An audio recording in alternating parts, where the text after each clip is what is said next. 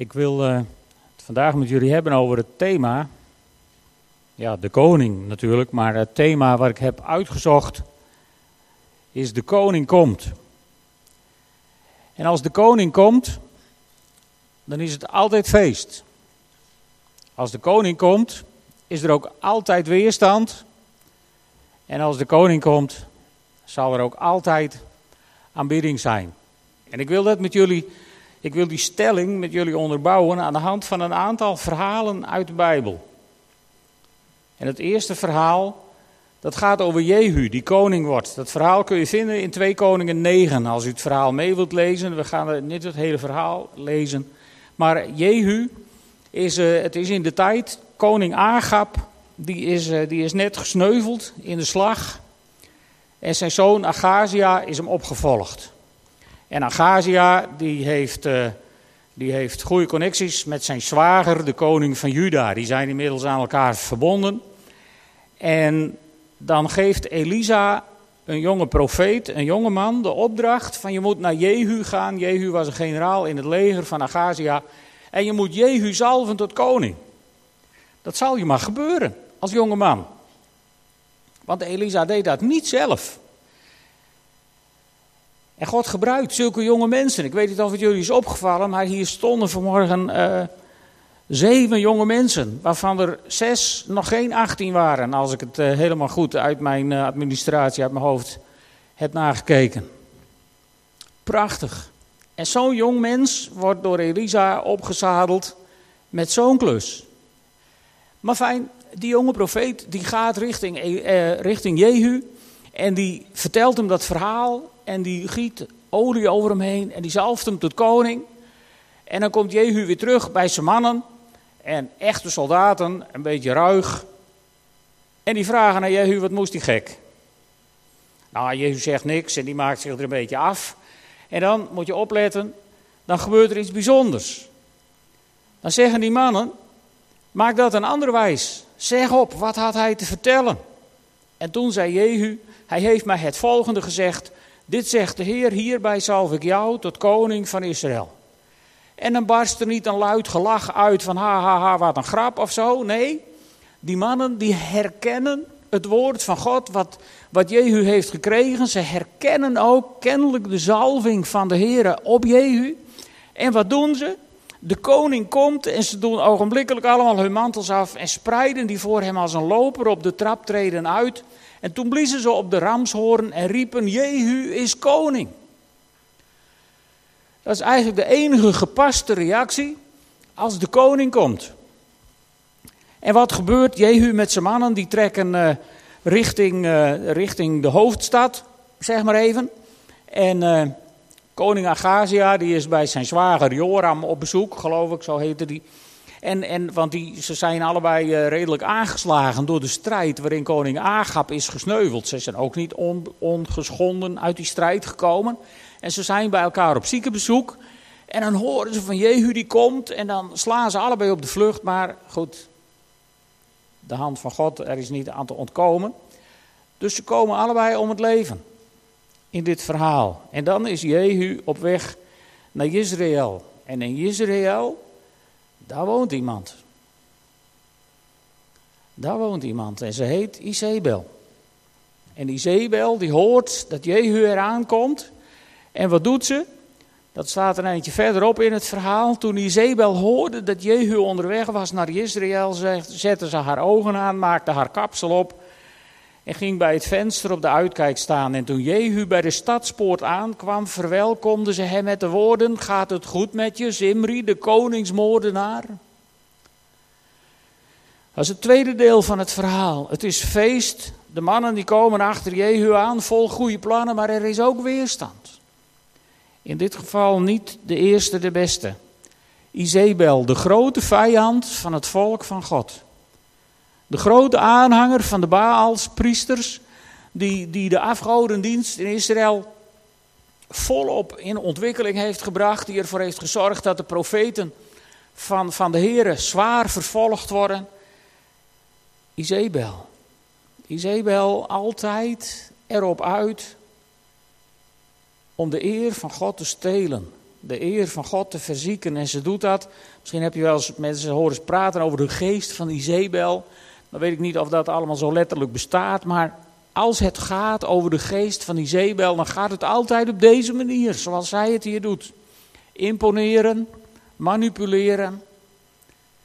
Onderuit halen wat God aan het doen is. Want het is tegen God. En zo komt Jehu de stad binnen en Isabel die staat daar voor het raam te roepen. Zo zal het in een mensenleven altijd zijn. Weet je, als, als de koning komt in jouw leven, als je tot bekering komt, of als de Heilige Geest gaat werken in je leven, als je wordt aangeraakt door de Heilige Geest, dan zal die weerstand er altijd zijn. En het gaat altijd ongeveer op dezelfde manier.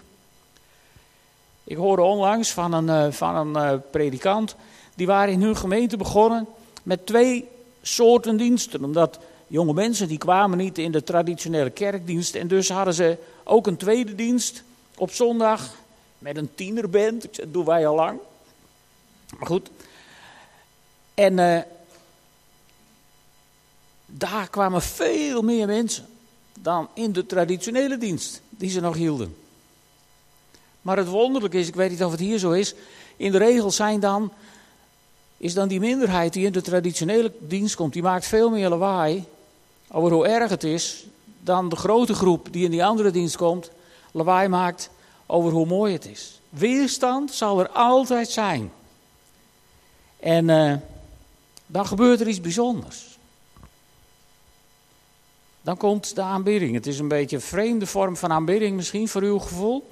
Maar Jehu die kijkt omhoog en die vraagt, is daar iemand die aan mijn kant staat?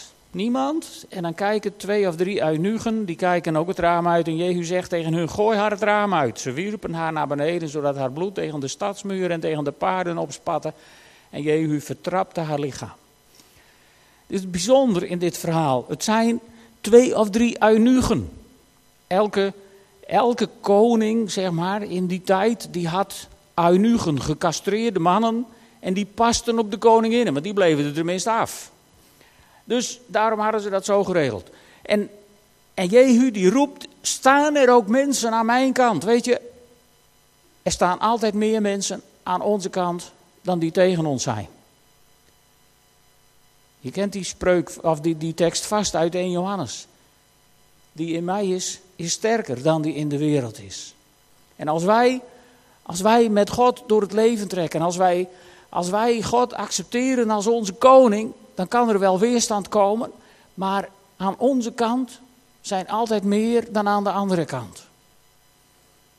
En hier zegt Jehu, gooi haar uit het raam. Nou is dat wel een bloedig verhaal misschien, maar je kunt dat ook in jezelf zo hebben. Weet je, weerstand tegen, weerstand tegen, tegen het werk van God, tegen het werk van de Heilige Geest in je leven.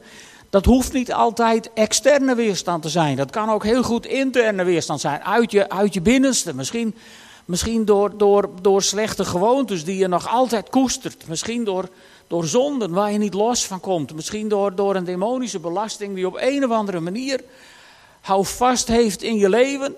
Die weerstand kan heel goed binnenin je zijn.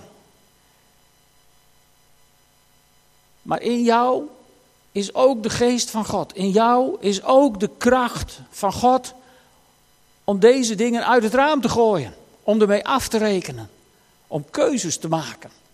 En keuzes maken is een vorm van aanbidding. Kiezen om te breken met slechte gewoontes omdat je God wilt dienen.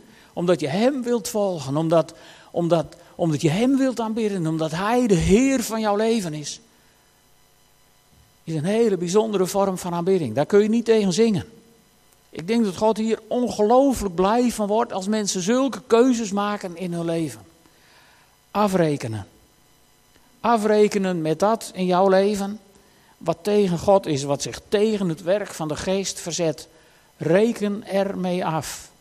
Als je dit herkent, als dit in je leven is, reken ermee af. En als je daar zelf niet uitkomt, vraag het aan iemand. Kom, kom naar de dienst bij mij of ga naar het pastoraat of, of spreek een oudste aan of een goede vriend of vriendin. Maakt niet zozeer uit bij wie je dat doet. Het maakt uit dat je het doet. Dat er keuzes gemaakt worden. Breek met de dingen die tegen God zijn. Dat is een belangrijke vorm van aanbidding. En dan gaan we naar het volgende verhaal. David die Goliath verslaat in 1 Samuel 17. Ook dat verhaal gaan we niet helemaal lezen. Maar het is een bekend verhaal voor de meesten van jullie, neem ik even aan. De Israëlieten en de Filistijnen, die zijn met elkaar in oorlog. En uh, ja, in oorlog, ze hadden eigenlijk allebei een soort, een soort conferentie, zou je kunnen zeggen, bij elkaar in de buurt. De ene club ligt op de ene berghelling en de andere club ligt op de andere berghelling. En ze komen niet aan elkaar. Want die Filistijnen hebben uitgevonden, die hebben een, een, een reus in dienst. En die komt elke ochtend de Israëlieten even thuis schelden. En de Israëlieten die zitten dan een poosje te bibberen als bange mussen. En daarna uh, is het rustig de hele dag, tot s avonds. En zo gaat dat al weken. En op een gegeven moment is Isaïe, die heeft ook een aantal zonen in dat leger, die wordt het ongerust en die stuurt David daarheen van ga eens kijken hoe de stand van zaken is. Nou ja, er was niet zoveel stand van zaken, er gebeurde weinig in verhouding. Alleen alle dagen werd God beledigd. En de koning die had dan een grote beloning uitgeloofd voor degene die er wat aan ging doen. En dan David, David die ziet dat. Die ziet Goliath, die hoort wat Goliath allemaal zegt. En die kookt van binnen van woede. Van hij heeft het over mijn God. Hè. De David die psalmen schreef over diezelfde God. Die hoort hier Goliath tekeer gaan. En die wordt ongelooflijk boos van binnen. En dan zegt hij, vraagt hij aan de soldaten in zijn buurt: wat gebeurt er met degene die die Filistijn daar verslaat en Israël van deze schande bevrijdt? Met andere woorden, David is, is stom verbaasd dat er een beloning uitgeloofd moet worden om iemand in de benen te krijgen om hier wat aan te doen. Maar uiteindelijk wordt hun God beledigd, dat kun je toch zomaar niet laten gebeuren. En ondanks die beloning komt er niemand overeind om er wat aan te doen. En zegt David, wat denkt die onbesneden Filistijn wel dat hij de gelederen van de levende God durft te beschimpen? En wat heeft dat met feest te maken? Nou, ik weet zeker dat de soldaten die om David heen stonden, die het horen, die dachten, yes, eindelijk doet iemand er wat aan. Nu gaat het gebeuren. En ook dan is daar die weerstand. Davids oudste broer Eliab, die ziet hem praten met de soldaten en die valt woedend tegen hem uit en die zegt, wat doe je hier eigenlijk? Hoor jij niet in de woestijn op je schapen te passen? Echt iets voor jou om met je brutale neus vooraan te willen staan als er gevochten gaat worden. Weerstand. Een hele typische weerstand.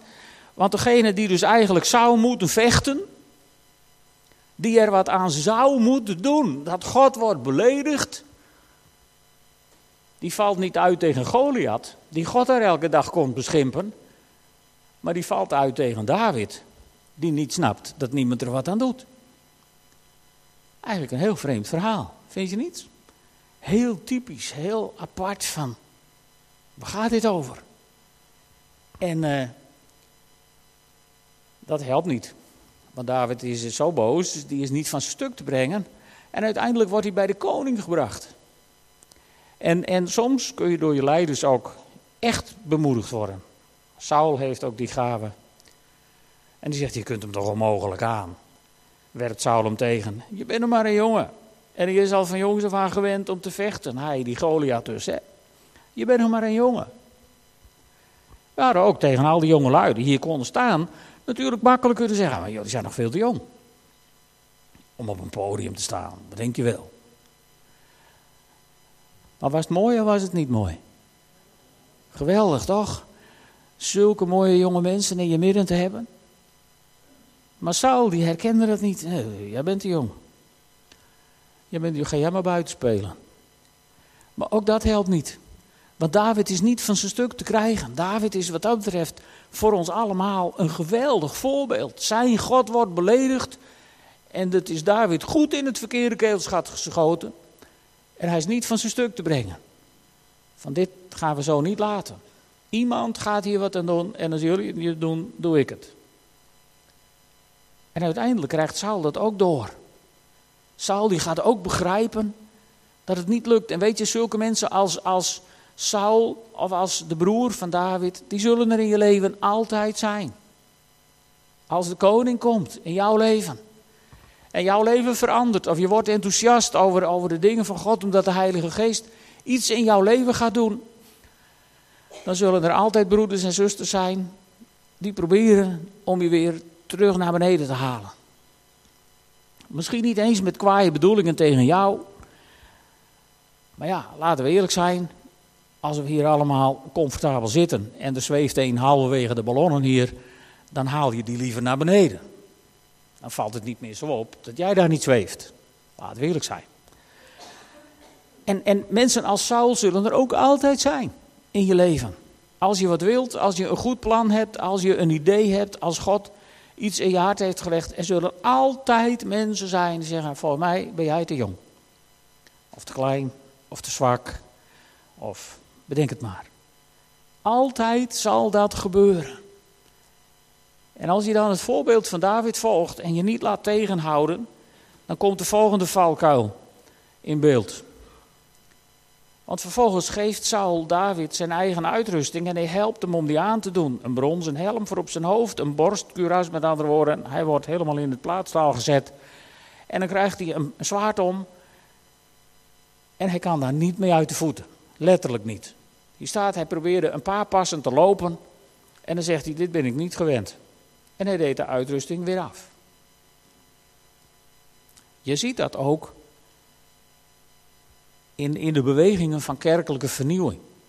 Giet en ik zijn vorige week naar de New Wine conferentie geweest in Engeland. Vernieuwingsbeweging in de, zeg maar, in de Anglikaanse kerk. En uh, ik volg momenteel een aantal dagen college over, over, dat heet dan vitaal missionair leiderschap. Maar dat gaat eigenlijk veel meer over nieuwe gemeentevormen en nieuwe pioniersprojecten en dingen die er zijn. En dan hoor je telkens dezezelfde verhalen. Vernieuwing mag, maar binnen onze traditionele kaders. Dan is het geen vernieuwing. Dan is het overschilderen van een oude deur. Dat kan ook, daar knapt hij geweldig van op. Maar het is geen nieuwe deur doorgang. Het is niet vernieuwen, dat is, dat is soms ook wel goed. Maar het is geen vernieuwing. En toch zullen er altijd van dit soort pogingen zijn. En zo wordt David ook bijna ingeblikt, maar hij doet het niet. Hij trapt er niet in. En de motivatie van David uiteindelijk verslaat hij natuurlijk Goliath. En, en oh ja, dit wou ik nog zeggen. Uh, vaak proberen wij ook dingen te doen met oude middelen. Dat is wat Saul David probeert op te leggen. Van zo doen we dat. Als wij vechten, dan zijn dit de regels en dit het gereedschap. En Paulus die zei zo mooi, wij leven wel in deze wereld, maar wij vechten niet met de wapens van deze wereld. En zo is het ook als de koning komt, als de geest van God je aanraakt, als God een verlangen in je hart legt om, om, om, om hem misschien wel enthousiaster te gaan aanbidden dan je ooit gedaan hebt, of, of andere dingen te doen in het koninkrijk van God. Als God tot je spreekt, dan moet je opletten dat je niet met de wapens van deze wereld gaat vechten om dat te bereiken. Onze wapens zijn van de Heilige Geest. En als God wil dat je wat gaat doen, dan gaat God zorgen dat dat gebeurt.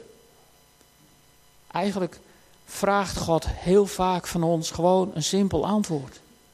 Als God ons opdracht geeft om iets te doen, is eigenlijk het enige antwoord wat hij van ons vraagt, is ja, Heer. Of een beetje het antwoord van Samuel, spreek Heer, uw dienstknecht luistert. Wij zijn vaak zo actiegericht, hè, om, om dan allerhande actieve dingen te doen. Maar buigen voor God, ja Heer, dat is vaak een veel beter antwoord. En als Saul het niet begrijpt en de mannen om hem heen het niet begrijpen, dan spreekt David deze geweldige woorden. Leeuwen en beren heb ik verslagen en die onbesneden Filistijn zal het net zo vergaan, omdat hij de gelederen van de levende God heeft beschimpt. Met andere woorden, eerst even een getuigenis van wat God in mijn leven heeft gedaan. Vanmorgen mochten we ook een getuigenis horen. En een getuigenis van wat God in je leven heeft gedaan, is ook aanbidding vaak nog bemoedigender voor mensen dan de mooiste liederen. Getuigen is ook aanbidding. God de eer geven en verhalen vertellen die God in jouw leven heeft gedaan. Cruciaal. Zo belangrijk om te doen. En dan gaan we naar nog een verhaal over deze zaak. Als Jezus de intocht, of als Jezus binnenkomt in Jeruzalem, volgende week is het Palmpaas en dan is dit verhaal eigenlijk pas aan de beurt en dan gaan we het er ook wel over hebben. Staat in Lucas 19, waar Jezus de discipelen de opdracht geeft om een ezel te, ja, wat moeten ze eigenlijk met die ezel? Als je het verhaal goed leest, dan lijkt het erop dat ze hem stelen. Maar ja, hij zult niet stelen, staat er in de wet. Dus Jezus zal hem vast niet gestolen. Hij zal hem wel geleased hebben op een of andere manier.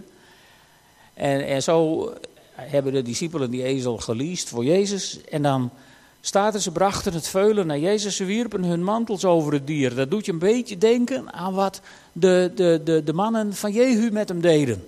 Hun mantels uit en die legden hem op de trappen.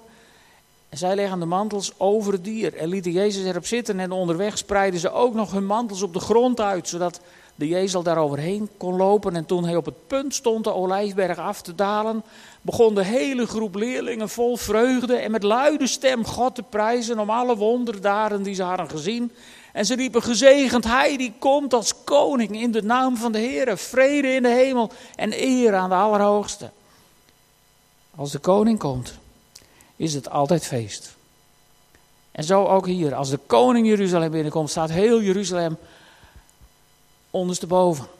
De hele stad is in rep en roer. Het is feest. Want Jezus komt, de koning komt. Wordt wel niet als zodanig herkend door iedereen. Maar goed, de koning komt.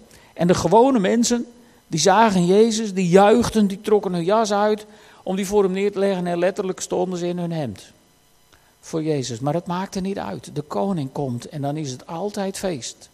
Maar ook hier is weer de weerstand. Want met name voor de theologen was het allemaal veel te rumoerig en veel te ongeorganiseerd. En het ging niet binnen de kaders, het ging niet in de traditie. En dan zeggen ze tegen Jezus: Meester, berisp uw leerlingen. Maar als de koning komt, is het altijd feest. Is er weerstand en is de aanbidding onweerstaanbaar. Want wat zegt Jezus hier? Jezus zegt, hij antwoordde, ik zeg u, als zij zouden zwijgen, zouden de stenen het uitschreeuwen. Want aanbidding zal er zijn als de koning komt. Uiteindelijk zorgt God daar zelf voor. Als zij gaan zwijgen, zullen de stenen het uitschreeuwen. Wat een woord van God. Wat een, wat een prachtige belofte. En wat een, ja, wat, een, wat een kracht van Jezus spreekt hier ook uit. Als zij zwijgen, zullen de stenen het uitschreeuwen. En dan heb ik nog één. Want volgende week vieren we wel dat de koning Jeruzalem binnenkwam. Maar eigenlijk zijn wij veel meer in verwachting van de koning die komt. Dat, zou ons, dat is ons toekomstperspectief. Daar, hebben ze, daar hebben, heeft de band ook een prachtig lied over gezongen. Als de koning komt, in openbaring 21, daar staat, ik zag een nieuwe hemel en een nieuwe aarde. Wat de eerste hemel en de eerste aarde zijn voorbij en de zee is er niet meer. Toen zag ik de heilige, dit, moet een, een magnifiek, indrukwekkend gezicht geweest zijn. Wat, wat, wat je als je dit leest jezelf eens moet proberen voor te stellen. Ik zag de heilige stad, het nieuwe Jeruzalem, uit de hemel neerdalen bij God vandaan. Ze was als een bruid die zich mooi heeft gemaakt voor haar man en hem opwacht. Ik hoorde een luide stem vanaf de troon die uitriep: Gods woonplaats is onder de mensen. Hij zal bij hen wonen, zij zullen zijn volken zijn en God zelf zal als hun God bij hen zijn. Als de koning komt, is het altijd feest. En als deze koning komt, dan zal het feest grenzeloos zijn. Dan zal het feest, dat zal al ons bevattingsvermogen te boven gaan. Sommige mensen die kunnen, die kunnen, die kunnen naar het einde der tijden kijken met een soort, soort paniek in hun hart. En dan denk ik, en waarom nou?